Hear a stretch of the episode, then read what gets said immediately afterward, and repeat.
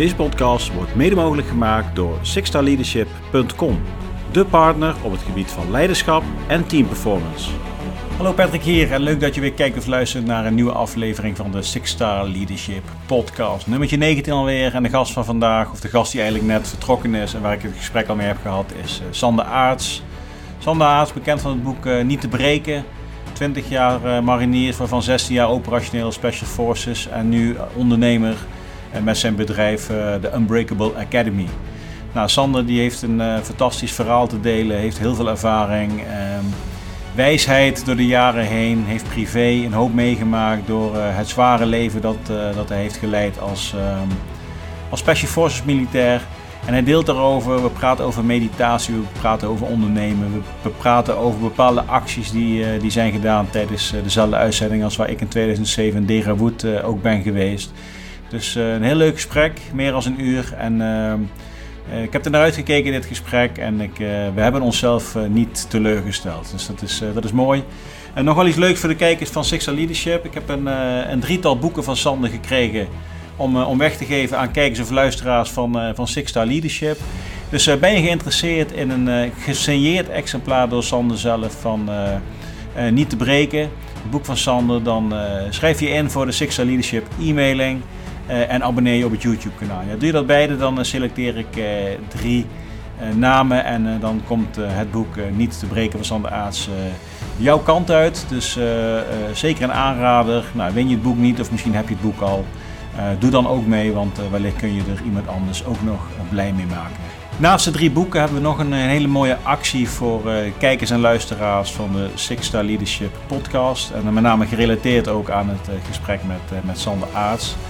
Ga naar uh, www.sexaleadership.com uh, slash sander-aarts. Ja, en daarin uh, vind jij een linkje. En dit linkje vind je trouwens ook in de beschrijving van, van deze podcastaflevering. Waarin je met korting kunt inschrijven op de diensten van de Unbreakable Academy. Sander heeft onder andere de 12 Hour Evolution programma. Waarin jij in 12 uur tijd door de mangel genomen wordt door, door ex-mariniers Special Forces. En zij gaan aan de slag met jouw fysieke, mentale en spirituele component. En daarin ga je in 12 uur tijd jezelf naar een volgend niveau zien groeien. Want het gaat gewoon uh, gebeuren. En daarnaast heeft Sander ook de Unbreakable Academy, is een online community uh, daarin. Daar kun je ook met korting aan gaan deelnemen als uh, community member. Nou, allemaal mooie dingen, denk ik. Maar het allermooiste is natuurlijk het gesprek met Sander zelf. Meer dan een uur, ga er lekker voor zitten. En ik wens jou heel veel plezier met podcast nummer 19 met Sander Aarts. Veel plezier. Goed, vandaag een nieuwe gast in de Six Star Leadership podcast. In de studio in Haarlem. Mooi man. Mooi Haarlem. We hebben wederom mooi weer. We hebben altijd mooi weer op vrijdag, lijkt het wel. Zeker weten. En uh, mijn gast van vandaag is Sander Aarts. Welkom Sander. Dankjewel. Heel erg leuk, leuk dat, je, heel erg leuk dat je er bent. Ik heb een, ik heb een opener opgeschreven, anders dacht ik, ik moet deze gaan vertellen, anders oh, kan ik hem weer niet onthouden. En, uh, we hebben net al een hoop besproken, Sander, voordat de podcast aanging. Ja, en ja. Uh, ik denk dat we nog een paar mooie dingen kunnen bespreken. Um, de laatste drie podcasten duurden meer dan twee uur. Oh jee. oh jee. Ik weet niet of je een broodtrommetje bij hebt. Uh, nee, dat eigenlijk niet. Nee, nee, nee. Ja. Nee, nee, nee, goed. Hey, um, nou, jij, jij hebt natuurlijk, bent uh, uh, ex-Special Forces. Ja. Jij hebt natuurlijk een heel mooi boek geschreven, Unbreakable. of niet te breken eigenlijk. Niet te breken, ja, je doet nu de Unbreakable Academy, heb je. En um, ik zat eens na te denken over jouw boek. En er staat op dat jij de best getrainde militair van de Special Forces bent. Ja. ja. En ik heb er eens over nagedacht, Sander. En ik dacht van waarom schrijft hij er niet waarom hij de best getrainde militair van Nederland is? Ja. En ik weet het. Ja? Ja. Vertel. Je bent nooit lader van een Leopard 2 geweest. Dat klopt. Ja. Dat klopt. Dat, dat was het. Ja. Dat was het. Ja. nee. Jij, jij doorziet mij in één ja. keer. Nee, Ja. nee. Dus en ik heb je boek gelezen en ik dacht van... eh, ja, maar als je drie weken in Tsjechië in de zon met een tank als lader moet rondrijden... Had ik niet getrokken. Nou, niet getrokken. Had ik niet getrokken? Nee. nee. Nee, ik zit daar horen. Nee, je hebt een heel mooi boek geschreven, Sander, een heel mooi verhaal. En ik eh, vind het leuk dat je hier bent. Dankjewel. Leuk je zijn. Ja, Dank voor de uitnodiging. Hey, voor de mensen, ik weet zeker dat er een aantal mensen zijn die jou al kennen, uh, 100%. Uh, maar er zijn er ook bij die denken van Sander Aarts, vertel eens, uh, best getrainde militair, uh, hoe zit dat? Ja. Stel, je eens kort voor wie je bent en waarom je hier zit. Ja, wie je bent is dan weer gelijk zo'n uh, hele diepe Wie vraag. ben jij? Wie ben jij eigenlijk? ja. ja. Nee, mijn naam is Sander Aarts, 41 jaar. trotse vader van drie kinderen. Ik woon in, in Vennep. En geboren echt ook in Lisse, Bloembollendorp. En in 1996 ben ik bij, bij het Mariniers gegaan, Corus Mariniers. Op 17-jarige leeftijd. En ja, daar heb ik eigenlijk 21 jaar bij mogen dienen Mhm. bij het korps. Eh, en al vrij snel na de opleiding, na de mariniersopleiding, eh ja, had ik voor gekozen om, om, eh, om verder te gaan, zeg maar, om nieuwe opleidingen en nieuwe uitdagingen aan te gaan eigenlijk. En ehm, ja, ik heb toen voor gekozen eigenlijk, ja, als je daar echt in kunt kiezen om eh, richting eh, de speciale eenheden te gaan. Mhm. Dus ehm, ja, ik heb toen in 1998 eh, de commandoopleiding gedaan als, als marinier. En toen kon je nog als marinier de commandoopleiding doen. Om vervolgens wel weer gewoon teruggeplaatst te worden bij de, bij de mariniers. En eh, toen kwam ik bij een uh, verkenningspeloton. En dat was eigenlijk al een soort van opmaat richting de, richting de speciale eenheden. Uh, en toen met het verkenningspeloton een, een missie gedaan naar Ethiopië en Eritrea. Dus toen deden we echt verkenningspatrouilles zeg maar, op de grens van beide landen. En toen in 2001 ben ik de kickforcemanopleiding ingegaan. En dat is eigenlijk gewoon ja, een Special Forces eenheid, als je, als, je de op, als je de opleiding voltooit. Ja. Dus, uh, en ja, de kickforceman is een, uh, eigenlijk een beetje de Nederlandse equivalent van de, van de Amerikaanse Navy SEALs. Meestal als ik, als ik tegen mensen die niet bekend zijn binnen Defensie zeg kickforceman, dan denk ze ja, klinkt niet zo heel stoer natuurlijk, maar ja. uh, zoals ja, Amerikaanse Navy SEALs, dan hebben ze gelijk ja, een beetje beeld en geluid. Dus, ja. Dan komt de Hollywood. Dan komt de Hollywood, ja, ja, ja, ja. de boeken en de films natuurlijk. De Delta Force kan ook iedereen. Delta Force, ja, ja. ja, En uh, ja, ja, eigenlijk sinds 2001 tot en met het uh, einde van mijn carrière, dus zeg maar 16, 17 jaar, heb ik bij, bij de speciale eenheden gezeten. En ja, normaal gesproken als je bij, bij Defensie hebt, ja, heb je vaak natuurlijk een plaatsingstermijn van, of tenminste een operationele functie van drie of vier jaar. En dan heb je weer een, ja, een niet-operationele functie. Maar ik heb eigenlijk altijd operationeel gediend. Dus ja, eigenlijk mijn hele leven lang operationeel gezeten en, en altijd een beetje gehopt binnen de eenheid. Dus ja, je hebt inmiddels bij Marshof, zo heet, zo heet de eenheid, mm. Heb je uh, C-Squadron, die doen zeg maar, de internationale speciale operaties. En je hebt uh, M-Squadron, die doen de nationale uh, antiterreuroperaties. En bij beide eenheden heb ik altijd uh, gediend, zeg maar. Het grootste gedeelte bij C-Squadron als, als kickforce-mannen en als teamleider van een kickforce-mannen. Um, ja, tot 2017 eigenlijk. En toen Ja. de keuze gemaakt om weg te gaan. Ja, je bent er pas net uit. Ja, eigenlijk wel, ja. Hoe- ja, maar hoe voelt het lang of voelt het echt als iets wat, wat pas net ontstaan is, zeg maar, dat burgerleven? Ja. leven? Ja, dat, dat, dat is heel raar. Soms vind ik het heel moeilijk om te beseffen dat, dat ik dat werk niet meer doe en dat ik dat leven niet meer heb, zeg maar. En, heel, en de andere keer vind ik het juist heel moeilijk om te beseffen dat ik dat, dat ik dat leven ooit gedaan heb. ja. En eigenlijk, ja, hoe, hoe meer ik me ontwikkel zeg maar, als mens, hoe, hoe verder ik, tenminste verder, kijk, kijk, het is maar het bekijkt natuurlijk, maar ja, staat het steeds verder van mij af eigenlijk wel, dat, eh, dat werk. En ehm, ja, da- daar zit ik nu eigenlijk een beetje in. Ja. Ja. En ja, soms is het echt van, eh, alsof het net gisteren is, weet je wel, dat, eh, dat, dat je weer in Afghanistan was of in, in Somalië of dat je, ja, dat je gewoon mooie dingen deed, zeg maar. En ja, dat is nu wel het voordeel van het bedrijf wat ik nu heb. Ik- Ja, met mijn trainingen werk ik nog veel samen met, met oud-collega's. Mhm. Ja, dat is iedere keer gewoon weer een kleine reunie eigenlijk, weet je wel. Er komen de verhalen weer boven Ja, en eh, ja, ja. het, uh, gladde hoor natuurlijk. Ja. Ja, en het- dat, is, dat is echt wel super gaaf. Worden ze bij jullie ook steeds sterker? Of? Ja, ja, ja. Ja. Steeds, waren, steeds heldhaftiger. En, Ja, ja. ja, Zijn waarheid komt ooit boven. Nee, die, jullie die al- komt nooit meer die boven. komt nooit meer Nee, boven, nee. nee, nee. Hij is- soms ook, dan je met elkaar te praten, weet je wel. En sommige jongens die hebben er wel een klein beetje een handje van natuurlijk om dingen wat groter te maken. En ja. af en toe zit ik dat te luisteren en denk ik van, gast, daar was ik ook bij. Maar ik heb geen idee waar het over hebt. eh. Ja, ja, ja, leuk. Ja. Nou goed, ik, ik heb wat luisteraars die, die ook al wat vragen op hebben eh, Oh, ja. gestuurd naar mij. Want ik heb drie weken terug een keer in een post gezet van wat ik net ook zei van... eh, Ja. die volgende gast in de post is niet te breken. Ja, nou, dat was eigenlijk niet de volgende, maar die volgende daarna om omstandigheden. Dat. En, en die, die, een van de opmerkingen die was van je moet groene ballisto's neerleggen.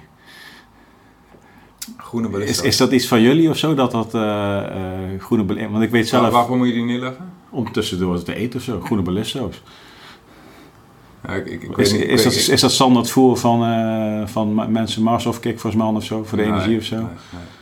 Nou, ik, ik, ik, ik, ik weet niet precies waar ze naar refereren. zeg maar wat, wat ik me kan voorstellen, mariniers hebben wel, ik weet niet wie, wie, wie die opmerking maakte, maar de mariniers staan soms wel een klein beetje bekend als rupsen. Dat Ja, ja. begrip ken je Ja, rupsen? zeker. Ja, ja, ja. En helemaal zeg maar, toen wij als mariniers nog zeg maar, de commandoopleiding mochten doen, weet je wel.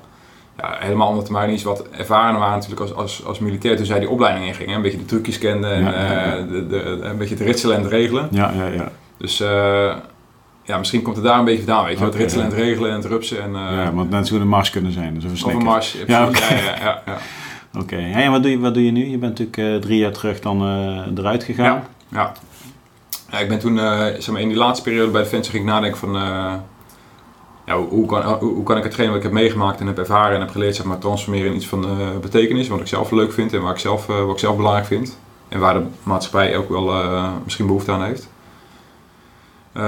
en toen ben ik eigenlijk op het huidige concept wat ik nu heb. En ja, het idee erachter is, ja, ik heb heel veel, veel opleiding gedaan, weet je, veel, veel zware selecties en dat soort dingen. En ja, helemaal in, in zo'n selectie is er ja, weinig tijd en ruimte om, om gecoacht te worden, om getraind te worden, om begeleid te worden. Dus ja, als je niet met de omstandigheden kon omgaan, ja, was je eigenlijk niet, gewoon niet geschikt en werd je verwijderd van de opleiding of de selectie. Ehm, maar toen zag ik te denken van ja, was dat echt wel zo, weet je wel? waren die mensen gewoon echt uh, niet capabel? Maar hoe zou het zijn als je mensen onder dat soort omstandigheden brengt, maar vervolgens ook als je ziet dat, bijvoorbeeld dat ze willen opgeven of dat, dat ze niet goed samenwerken of hè, dat de druk een klein beetje te veel wordt als je dan even een stapje terugneemt en de druk eraf haalt, om mhm. daarvan gaan te gaan leren, weet je, om mensen te leren doorzetten, om ze mentaal sterker te maken, om ze beter te laten presteren of beter te laten samenwerken.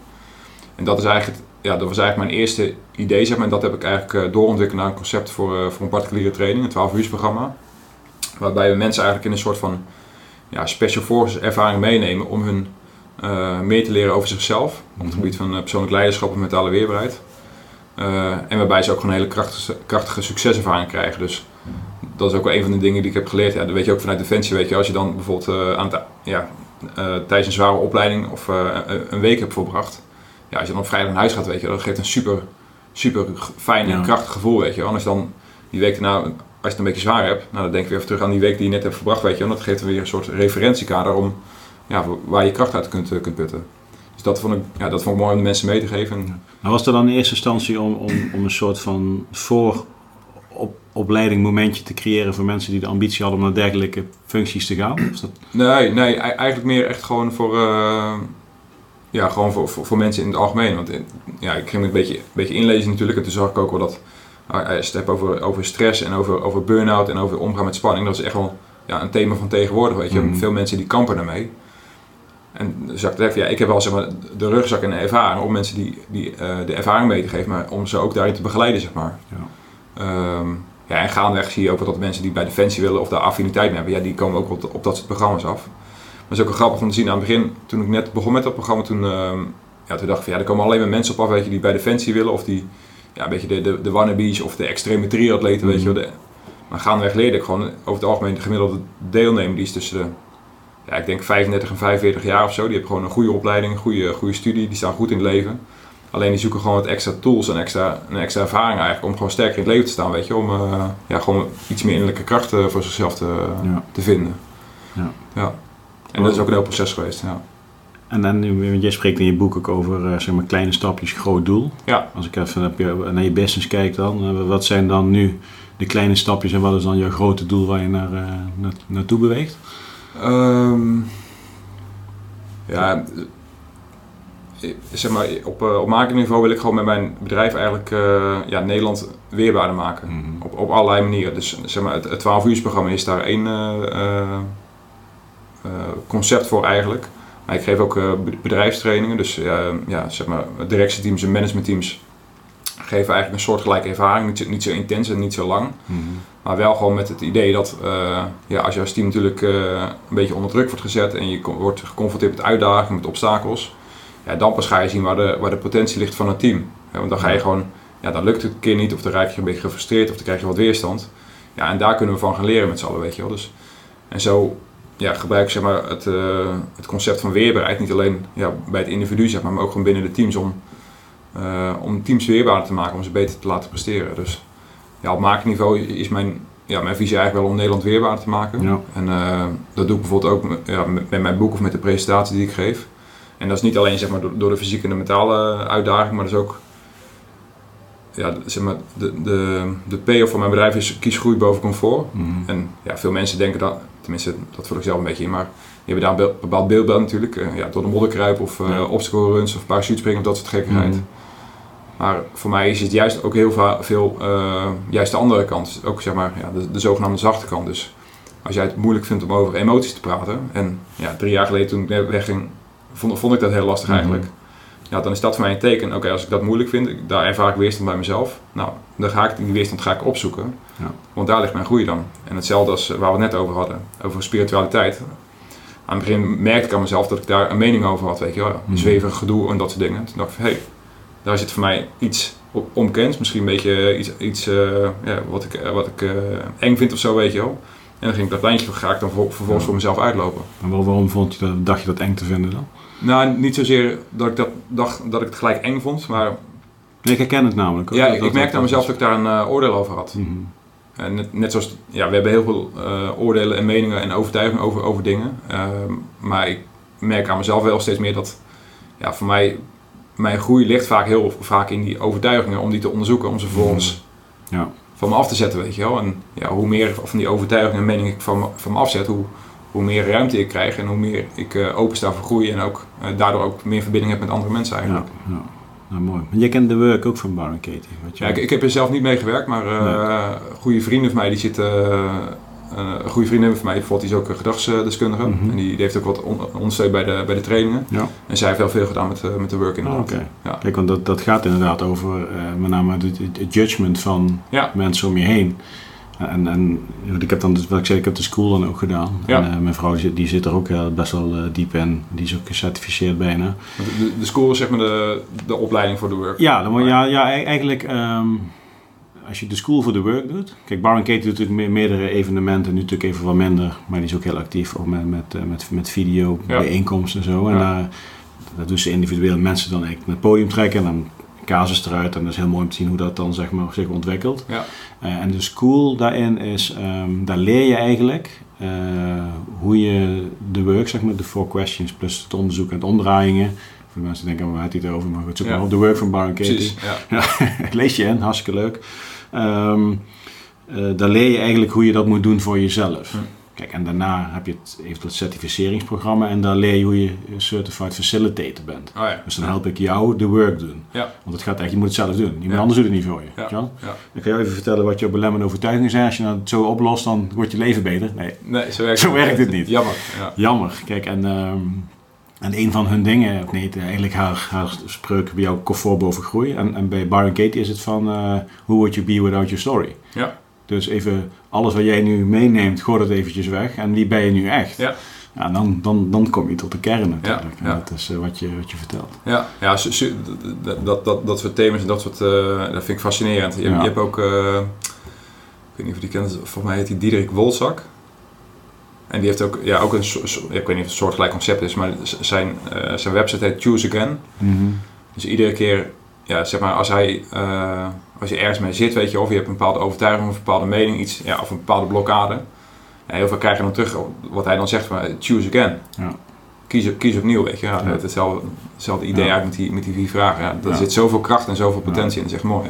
Ja, follow the simple directions. ja, Had ik ook, weet je wel. Ja. En, eh, En dan is dat bijzonder dat, ja, goed, dat wij hierover praten als zeg maar ex-militair Ja, ja. slash SF jij. afgestompt uh, Ja. oud-militair. Ja. Ja. wij vonden onszelf ook SF als, als brigadeverkenners binnen de 13e gemechaniseerde brigade. Maar eh, natuurlijk niet dat niveau waar jij natuurlijk geacteerd hebt. Eh, eh, ik, ik merkte in het begin wel dat ik het zelf spannend vond om daarover te praten. Dat is één. Ehm, Om over, je, over Defensie te praten. nou, dat vond ik soms ook spannend, maar met, met name ook dat, dat zeg maar, de fase na defensie, Ja, precies, ja, dat, je. Dat, je, dat je er eigenlijk achter komt. Dat je eigenlijk deels geleefd bent door je omgeving en, je, en, je, en je pak, zeg maar. Ja. En dat je nu pas echt jezelf leert kennen. Dat dat stukje daartussenin, ja, dat dat wel wat zweetmomentjes heeft opgeleverd. En wat, eh, hoe, hoe is dat bij jou gegaan? Ja, nee, je kunt beter vragen, hoe, hoe gaat het nu bij jou? Hoe gaat het bij jou? Ja, maar er is, er is ook geen einde in, dat, is in, dat, in dat proces. Nee, Nee, dat, nee. dat vul je goed aan. Er zit geen einde aan. Ja, Hoe, hoe, hoe, hoe is dat proces bij jou begonnen? ja. Of je, en waar zit je nu? Ja, ja dat is een mooie vraag. Dat, dat vind ik nu ook een- wel leuk eigenlijk, want omdat je zelf ook die, die achtergrond hebt. Ik, ik merk heel vaak dat, eh, dat mensen best wel, als ze met mij praten, een beetje blijven hangen in, in, in de ervaringen, weet je, in de stoere Ja, verhalen. ja. Alleen, ja, dat vind ik ook prima om over te praten, weet je. Maar Ja. dat daarna... Dat anders kijk ik met twee juni vol, hè? Precies, ja, ja, ja, sorry, ja. Nee. Maar eh, nee, ik, ik ging toen eh, Nee, in de hele transitiefase eh, vanuit Defensie toen... ja, dat, dat is ook wel iets wat ik, waar, ik, waar, ik, nu- waar ik nu ste- steeds meer helderheid over krijg. Als jij weg gaat bij Defensie, ja, ik, 21 jaar natuurlijk is dat, is dat systeem zeg maar, Mhm. in mij gepompt als het ware. En als je dan weggaat, dan denk je van, nou weet je, ik, ja, je, je, je kent allemaal de verhalen van het zwarte gat waar je invalt. Maar je denkt van, nou, ik heel stoere dingen gedaan, dus dat buiten, die Ja. maar, eh, buiten Defensie komt het ook wel goed, die uitdaging. Dus ik ging gelijk weer full focus eigenlijk op, eh, op mijn bedrijf. Alleen zeg maar, dat hele proces om, eh, ja, eigenlijk een soort rouwproces om weg te gaan bij Defensie, ja, daar heb ik nooit de tijd voor genomen. Dus Je bent meteen bam erin en door. ja, En- ja, ja. Ik, ik heb voor de rest, ja, en achteraf gezien in die periode, ja, dat was misschien wel de, de moeilijkste en de donkste periode in mijn leven. Toen, ja, integriteit is voor mij altijd echt een soort kernwaarde geweest, super belangrijk. Ja, ook bij Defensie heb je natuurlijk best wel veel verleidingen. Je komt op mooie plekken, mooie, eh, eh, mooie locaties, eh verleiding met andere dames, weet je wel. Ja. Integriteit is voor mij altijd super belangrijk geweest. Ik heb me altijd, altijd van, van afstand eh, gehouden. Alleen juist in die periode, zeg maar, op het moment dat ik ervoor koos om voor mijn gezin te kiezen of voor mijn vrouw te kie- kiezen om samen een nieuw leven op te bouwen. En op het moment dat ik wegging bij Defensie, leerde ik een andere, andere dame kennen. En daar kreeg ik een rela- relatie mee. Mhm. Nou, lang verhaal kort. Ja, na drie maanden van die, van die, van die, met die affaire zeg maar, werd ik gewoon emotioneel aan elkaar gescheurd. Want enerzijds dacht ik dat ik helemaal verliefd was op haar. Maar ik voelde ook zeg maar, die enorme liefde en loyaliteit richting mijn vrouw. En dat, dat, dat verscheurde mij. Ja. Dus op een gegeven moment heb ik eh, alles opgebied tegen mijn vrouw. eh, alles afgekapt met die andere dame. En eh, ja, want op dat moment ik, was ik weg bij Defensie, zeg maar. Dus ik had ja, het hele carrière wat ik had opgebouwd, dat had ik niet meer. Mhm. Nou, de relatie, die affaire, die, ja, dat was eigenlijk niks. Dus die, die had ik ook niet meer. Mijn hele relatie met mijn vrouw en ook de relatie met mijn kinderen stond op het spel. Die was ik dreigde ik ook eh, kwijt te raken. Het bedrijf, ja, dat, stond, dat was eigenlijk nog helemaal niks, weet je. Dus Nee. op een gegeven moment, die hele Sander Aarts met al zijn stoere dingen, prestaties, Je dacht, ik heb een KVK-nummer, ik ben heel wat. Maar- Helemaal niks. En ja, dan is Ja. natuurlijk, ja, dan word je natuurlijk echt geconfronteerd met je identiteit. Ja, wie, wie ben je nu, weet je? Wat, wat houd je nu eh, overeind? En dat heeft eigenlijk wel eh, het proces voor mij ingezet eigenlijk, eh, ja, om vooral ook met mezelf aan de slag te gaan, weet je wel. En eh, ehm, ja, mijn zoon zijn autisme, dat was zeg maar de, de, de, de initiator om weg te gaan bij Defensie. Eh, maar, maar dat moment zelf, echt op het laagste punt, ja, toen wist ik ook van ja, vanaf, nu moet ik gewoon echt eh, eh, met mezelf aan de slag. En eh, al mijn meningen, overtuigingen, angsten, alles, eh, Mhm. alles gaan, gaan onderzoeken, weet je wel. En eh, ja, inderdaad gewoon tot de kern gaan met, eh, met sommige Ja. dingen. En dat is iets, ja, eh, gaandeweg kom je op, achter nieuwe dingen. En ehm, ja, waar je vervolgens eh, mee aan de slag kunt, weet je wel. Dingen die jij bij Defensie heel goed hebben geholpen.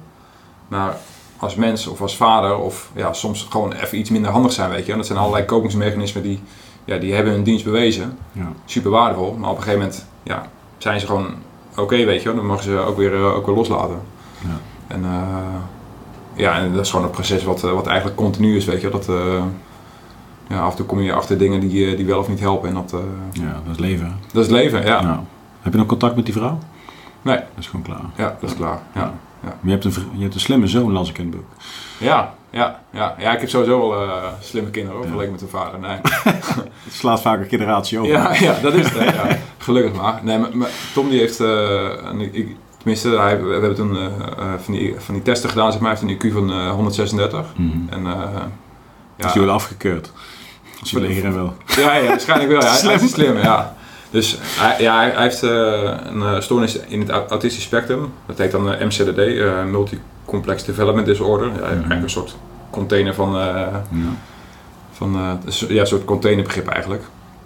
Maar hij is dan super slim, dus ja, je merkt gewoon dat hij heel goed het vermogen heeft om vaardigheden aan te leren. Weet je. En je ziet nu ook, ja, helemaal in die periode, omdat ik nog bij Defensie zat, in die laatste periode.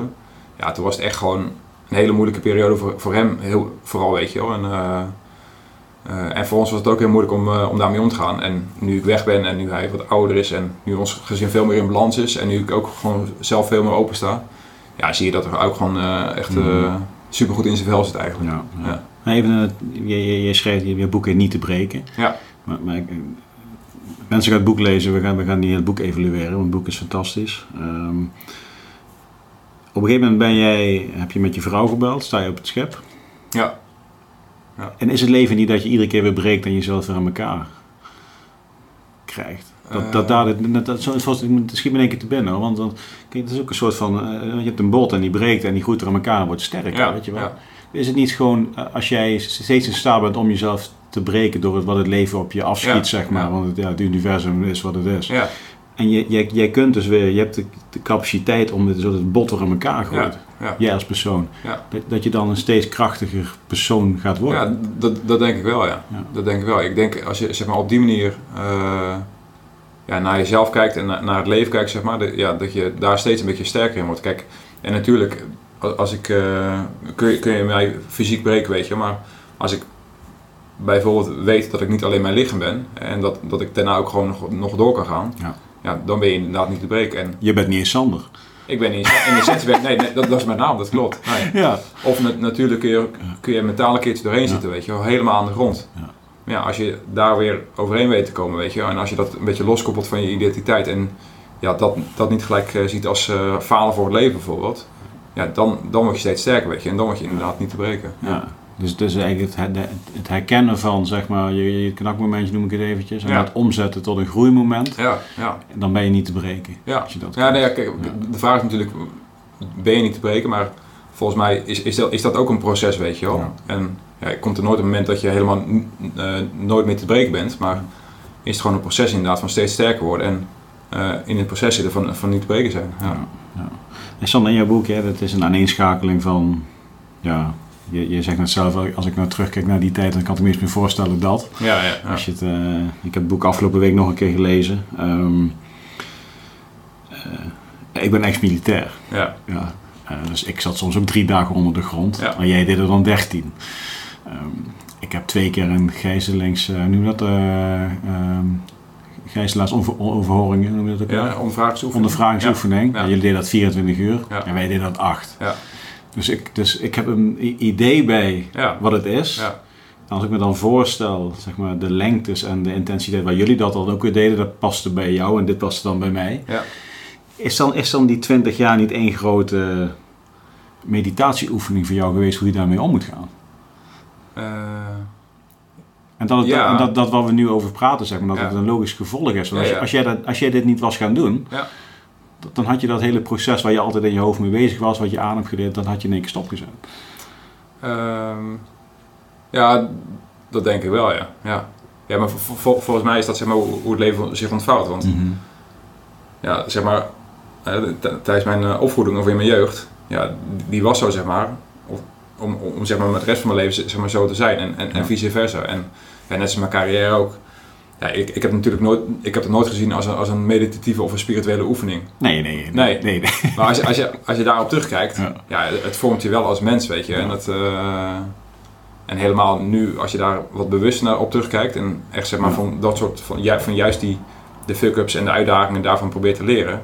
Ja, daar, ja, daar, daar kun je ontzettend veel van leren inderdaad. Ja. Had je achteraf, en achteraf mooi lullen natuurlijk, hè. Dat zegt Tom Coronel, die autocoureur. Ja? Die zegt altijd, als mijn eh, tante Piemel had, was het mijn oom. die wilde- had ik, Ja, ja dat zit waarde in. Stel dat hij ja. luistert, ik weet het niet, maar dan denkt hij, die is van mij. Ja. Maar ehm, ehm, ik zou heel graag binnen Defensie in die tijd daar wat meer eh, mee gedaan hebben. Ja. Als ondersteuning in het, in het functioneren van mezelf, de eenheid Ja. en, en ook in zijn algemeenheid. Hoe zie jij dat? Ja. dat- want ik ben daar al een tijdje weg, weet je wel. Ja. Is dat iets wat nog steeds een no-go area is of wordt daar steeds meer over eh, gesproken? Nou, d- dat is wel, dat is wel, dat is ook waar we, waar het net over hadden. En eh, die vraag krijg ik ook best wel vaak, weet je. Of ja, met de kennis die jij nu hebt, zeg maar, of denk jij dat, eh, dat het goed is voor militairen of, of voor gasten met mijn achtergrond, als je zeg maar zo dat soort werk moet doen. Of, of het dan eh, juist goed is om over emoties te praten en mensen daar, daarin dat toe te laten, weet je. Of moet je juist gewoon echt die hardheid hebben, weet je wel. Nee, je, je zou je natuurlijk kunnen, kunnen voorstellen, tenminste, ja, dat, dat als jij eh, emoties wel toelaat of daarover gaat praten, dat je, dat je mensen misschien wat, eh, wat, wat zwakker maakt, weet je, of wat, wat zachter maakt. En dat er da- daardoor ook gewoon meer binnenkomt of zo. Maar ik, ik, ik geloof dat, eh, ja, dat, dat daar bij Defensie nog wel echt een, uh, een inhaalslag in valt te maken eigenlijk. En ja, dat, dat is heel moeilijk natuurlijk, want het, het zit heel diep in, in de cultuur. Het, het harde en het stoere en emoties zijn gelul en eh, emoties kan je uitschakelen en dat soort dingen. Nou, we, we kennen ze allemaal, ja. Kijk, en het, het wordt altijd met de knipoog gezegd natuurlijk, Ja. maar eh, het, Ondertussen weten ze wat beter. ja, ja, maar helemaal bij de jonge gasten. En gasten die net bezig zijn eenheid komen, die, die staan ervoor open, weet je. En die, ja, die zien al die, eh, die oudere, oudere kerels en die, eh, een beetje het stoere alfamannetjes eh, gedoe. Mhm. En, ja, en dat wordt gewoon de cultuur van de eenheid, weet je wel. En, en dat is prima. Ik denk dat, het, ja, dat dat is zoals we moeten zijn. Maar ik denk dat met name het leiderschap en ook gewoon ja, de, de leiders daar... Ja, ook wel iets meer mogen investeren in een persoonlijke ontwikkeling. Mhm. En ook gewoon de emotionele ontwikkeling. Het, want ja, nu bij Defensie hebben, hebben ze het heel erg over fysiek en mentaal natuurlijk. Alleen ja, emotioneel, misschien zelfs wel spiritueel. Ja, die zijn onlosmakelijk aan elkaar verbonden, weet je. Alleen die worden nu wel vaak ja, achter, achterwege gelaten. Ja. En ik denk dan wel dat het een, een dunne balans is, zeg maar. Want ja, daar moet je ook bij Defensie denk ik niet te veel in, in, in, in verzanden. Want als je denkt van alles is één, dan uh, ja, ga je niet met gevechten met, met vijanden. Stop het gevecht even. Ja, ja, ja.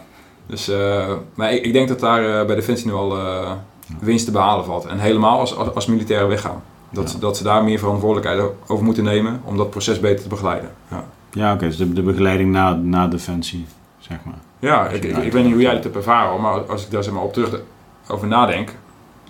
Uh, mensen, als, als je bij Defensie komt, heb je een hele selectie en je krijgt voorlichting en je Mhm. voorbereidt en je krijgt een hele zware opleiding zeg maar, om dat werk zo goed mogelijk te doen. Nou, daarna ga je het werk zo goed mogelijk doen en je gaat oefeningen doen om uh, ja, tot allerlei mooie prestaties te komen. Maar dat, ja, je gaat mensen eigenlijk een beetje vormen natuurlijk. Mhm. Alleen op het moment dat mensen zelf ervoor kiezen om weg te gaan, of het leven kiest voor hun eigenlijk, ja, dan is er gewoon 0,0 uh, begeleiding, transitie of eigenaarschap uh, vanuit Defensie. En dat zie je ook al vaak dat, dat, dat dan zeg maar, de, de pro- problemen ook wel een beetje komen. Want soms zijn jongens ook gewoon echt met een bepaalde reden bij Defensie gegaan. Ehm, ja, en Defensie vormt hen dan zeg maar. En als op een gegeven moment die verbinding wegvalt, ja, dan komen die jongens in de problemen, want die verbinding missen ze. En die gaan ze misschien ergens anders zoeken. Ja. Uh, bij, bij motorclubs of bij drank of, of, of, of vrouwen of, of andere dingen, zeg maar, om, om dat, die leegte maar te vullen. Ja. En ik denk als je als Defensie zijn daar uh, meer aandacht aan zou besteden, een, een of ander mooi programma, een soort uitfaseringsprogramma, nou, net, zoals met een missie als je terugkomt, weet je, Mm. heb, heb, je een adaptatieprogramma. Nou, zoiets weet je wel. Uh, ja, om die gasten gewoon beter te laten landen in, in de burgermaatschappij. Ja, goed, hoe ik dat heb ervaren. Ik, heb natuurlijk straks wel kort verteld. Ook, Ja. van, kijk, bij mij was het ook, ik kwam terug van de uitzending in Afghanistan met de stof nog achter de oren. Je Ja. komt op de kazerne en je krijgt eigenlijk te horen dat je blij moet zijn dat je bij de organisatie mag dienen en in het bedrijfsleven toch niet aan de bak komt. Ja, En toen ben ik gestopt. ja, Eh, ben ik gelukkig bij een mooi bedrijf terechtgekomen. ja, Ehm, heb ik het geluk, niet, ja, niet geluk. Mijn omgeving was dusdanig faciliterend dat ik uiteindelijk mijn pad heb kunnen vinden. ja, Eh, maar goed, ik ben natuurlijk Vipassana gaan doen en Ja. mediteren. En dat is, even kijken, hoeveel jaar later was dat? Dat was vijf, zes jaar later. ja, En als ik nu terugkijk, was dat misschien wel... Ik miste iets. ja, Omdat ik misschien in één keer die overstap had gemaakt. En dat ik zoekende was. En ik wist ook niet waar ik geland was. En ik, het, het- matchte niet, weet je wel. Kijk, en ik denk zeker dat Defensie een rol kan hebben om... Zeg maar, de, de jongens en meiden die naar een langere periode eruit gaan... kan begeleiden om een, om een goede persoonlijke match te vinden Ja. met, met, met, met een nieuwe omgeving. Zeg maar. ja, absoluut. Ja. Kijk, en ik denk ook wel... Ik sprak gisteren nog iemand en die, die vroeg van ja... ehm, moet, wat moet Defensie doen om te zorgen dat mensen langer bij Defensie blijven? Ja, Ik zeg, ja, ik zeg, je kunt hem ook omdraaien. Ik zeg, ehm, door wat mensen bij Defensie hebben meegemaakt, zijn ze dusdanig gegroeid als persoon. Ja. Dat, dat het misschien niet meer de rol is van Defensie of de krijgsmacht, welk onderdeel je ook zit, om nog die jongens binnen te houden. ja, Ik zeg, want, want ik groei als persoon door 12, 13, 14 jaar mijn dingen gedaan te hebben. 20 jaar. En uiteindelijk ga je door. ja, ja, Dan ontgroei je de organisatie. Ja. En dat gebeurt in het bedrijfsleven ook. Ja. Kijk, als ik drie, vier jaar bij een bepaald bedrijf heb gewerkt, dan kun je dat ontgroeien. Je investeert in jezelf, persoonlijke ontwikkeling, je maakt dingen mee en dan wil je door. Lukt het niet intern, ga je het ergens anders zoeken. Ja. Prima, weet je wel. Ja. En dat is een compliment voor het bedrijf. Ja. Maar goed, dat is niet iedereen natuurlijk. Er zijn Ja, jongens die... Dat, dat, dat is ook volgens mij wat. Ik zit er over na te denken, weet je, als ik dan ook oud-collega's spreek of, eh, of zie, of toen, toen ik ook daar nog ook werkte. En ergens was ik daar soms ook wel een klein beetje jaloers op. Want sommige gasten die hebben gewoon een bepaalde berusting, zeg maar. De, die, die, die zijn gewoon marinier. Ja. En dat is gewoon, dat is gewoon wie ze zijn. Dat is relaxed. Ja, hoe relaxed is dat? Als je daar gewoon berusting in hebt, gewoon volledig Ja, dit, is, ja. dit is gewoon wie ik ben, dit, dit is mijn leven. En ja, ik blijf gewoon bij het korps, weet je. En eh, het, korps is mijn leven. Ja.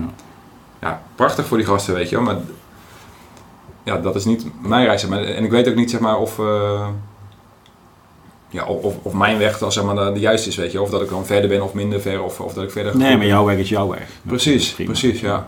ja. ik, ik denk wel, ja, net zoals jij, gewoon, ja, j- jij hebt ook zeg maar zelf eh na Defensie een soort, eh, ja, innerlijke kracht gevonden of gewoon wel de, de juiste pad gevonden, weet je wel. Mhm. Maar ik ken ook zat voorbeelden of gasten die wel e- echt gewoon worstelen, weet je wel. Die Ja. echt gewoon, ja, wel gewoon een tijd en ja, op het, op het verkeerde pad komen. Uiteindelijk zullen ze ook wel weer ergens eh, op, op, op een ander pad komen natuurlijk. Maar ik denk wel dat, dat het beter kan. En ook voor de Maar wat, wat, voor, wat, wat, voor- wat voor tips zou jij meegeven aan dat soort jongens dan? Kijk, ik denk dat de functie van deze podcast is ook om zeg maar, mensen iets mee te geven. Ja, nou, wat, wat ik vooral bij mezelf merkte, la- laat ik dicht bij mezelf houden, is dat eh, helemaal in die periode, en ook bij Defensie gewoon, vond ik het moeilijk om over bepaalde dingen te praten. Mhm.